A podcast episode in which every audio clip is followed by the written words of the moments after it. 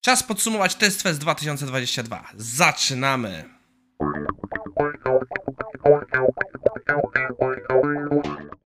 Cześć, nazywam się Maciej Werdek, a to jest IT Morning Special poświęcone Test Festowi 2022. Miałem udział w tej konferencji i będziemy... E, zrobimy sobie krótkie podsumowanie. Zaczniemy od tego, żeby trochę powiedzieć, czym jest Test Fest.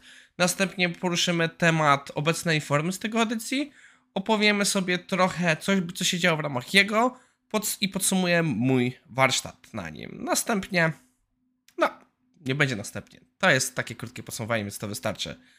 E, no więc będziemy sobie także wspierać trochę materiałami. Ja nie będę pokazywał żadnych moich zdjęć i tak dalej, bo nie chcę to za bardzo robić problemów ludziom, że ktoś, kto nie chce być na tych zdjęciach się pojawia.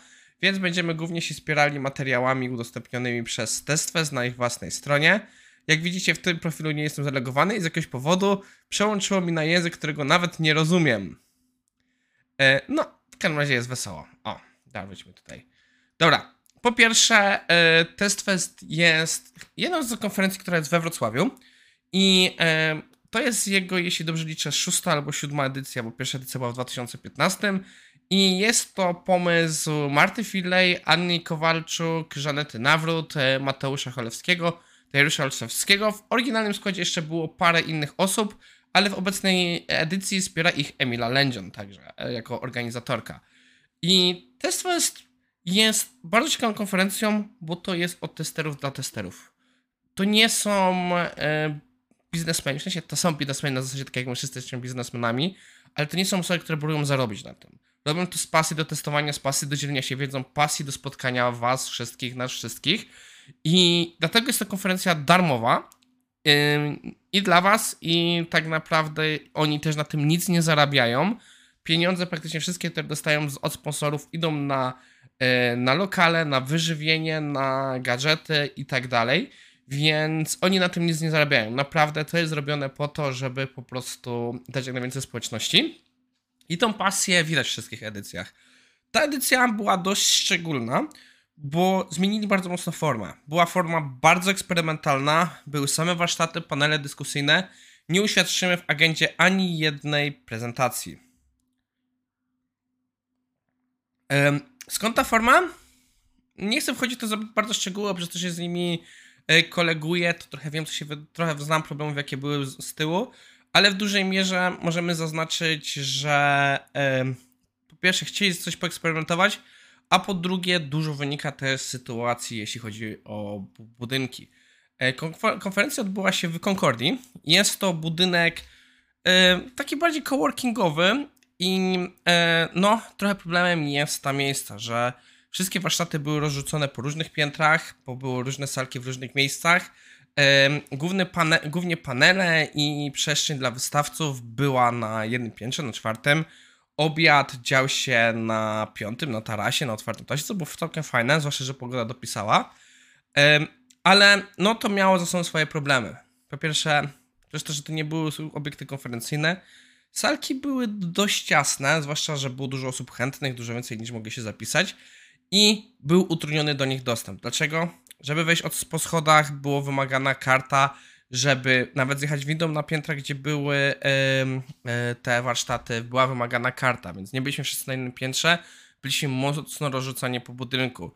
W teorii na czwartym piętrze przy windzie cały czas ktoś stał, że mógł ludzi wysłać na odpowiednie piętro, ale wiecie jak to jest. Idziecie na, e, idziecie na przerwę, macie 5-10 minut przerwy, no i co? I żeby wrócić do sali, musicie pojechać z powrotem na czwarte piętro i żeby zjechać. Patrząc, że windy cały czas były operowane, używane, to nie było fajne.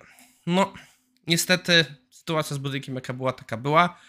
I trochę to powodowało, że ja też nie spędziłem za dużo czasu kręcąc się po innych warsztatach, panelach, bo tak naprawdę trochę bałem się opuszczać tego e, czwartego piętra, poza oczywiście moim warsztatem, bo stwierdziłem, że no, może to nie być warte zachodu. No więc, ale jeśli chodzi o samych prelegentów, no to mieliśmy bardzo duży wybór. Było bardzo dużo ciekawych tematów. E, takim rzeczą, która była też dość eksperymentalna, to Kamila Pomalańska i Łukasz Pietrucha robili, e, nazwijmy to, konsultacje z CV. Siedzieli w głównej sali i w, o, w pewnym okresie godzinnym każdy mógł podejść do nich ze swoim CV i można było je przegadać. Em, Każdy z nich działał osobnie, żeby po prostu, żeby to nie było tak, że dwóch na jednego. I dzięki temu podobno dość dużo osób się przewinęło. Mi się pomysł podoba. Mam nadzieję, że coś takiego zawite na większej ilości konferencji. No i e, jak widzicie, jeśli znacie się trochę na u nas, co się dzieje, to mamy bardzo sporą śmietankę osób, która się często u nas przewija. Ja też byłem, też miałem swój warsztat i mój warsztat był e, poświęcony e, Quality Tool Workshop, czyli miałem ogólnie narzędzia, które buduję, jeśli chodzi o quality culture w firmie. Będę rozmawiał, jak, udam, jak trochę posprzątam board po, e, po właśnie tutaj naszych e, warsztacie. Zrobię nowy czysty board z template'ami, poproszę, żeby został udostępniony w ramach materiałów e, po testfeście, jak ktoś będzie chciał z niego skorzystać, że będzie dostępny na stronie.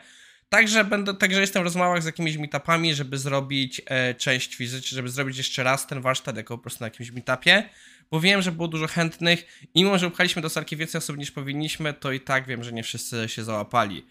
E, co prowadzi mnie do tego, że miałem okazję też was spotkać. Parę osób się ze mną spotkało, porozmawialiśmy o tym, że oglądacie IT Morning. Miło mi było was poznać, bo część osób na przykład znam, rozmawiałem nawet z wami na kanale, ale zobaczyć was na żywo, a, a po prostu jednak coś czytać tekst, to są dwie różne rzeczy. I fajnie było połączyć niektóre imiona, czy nawet jak nie wiedziałem, jakie macie niki, żeby z wami porozmawiać. No, więc tak podsumowując, test fest moim zdaniem był bardzo udany, była inna forma. Trochę najgorszą częścią tego wszystkiego był budynek, ale organizatorzy stanęli na wysokości zadania. Co mi się bardzo podobało, była piękna komunikacja na każdym etapie z nami, prelegentami. E, Wszystko, co było możliwe, dostaliśmy informacje z odpowiednim wyprzedzeniem. Dostawaliśmy bardzo dużo rzeczy, pytań o to, co musimy dostarczyć, co musimy przygotować. Nie mogę powiedzieć, że e, nie zostałem e, dobrze poinformowany. Jeden mail mi naprawdę umikł, bo był mail z salkami, były pokazywane, jak te salki wyglądały, co by, by jak mnie zobaczył wcześniej, to mi naprawdę dużo pomogło. Ale to jest, przyznam się szczerze, moja wina. Mail poszedł, ja jakimś cudem go przeoczyłem, mimo że wszystkie inne maile od organizatorów regularnie e, oglądałem, więc to też nie może być zastrzeżenie do nich, to po prostu wiecie, jak to czasami bywa z mailami. E, no i co teraz? Niedługo będę na e, automation, e, automatyzacja testów w praktyce, a później jest w wrześniu test Wares, na którym jestem w Radzie Programowej. Więc będę miał okazję zobaczyć trochę tą kiełbasę z drugiej strony, jak się ją robi.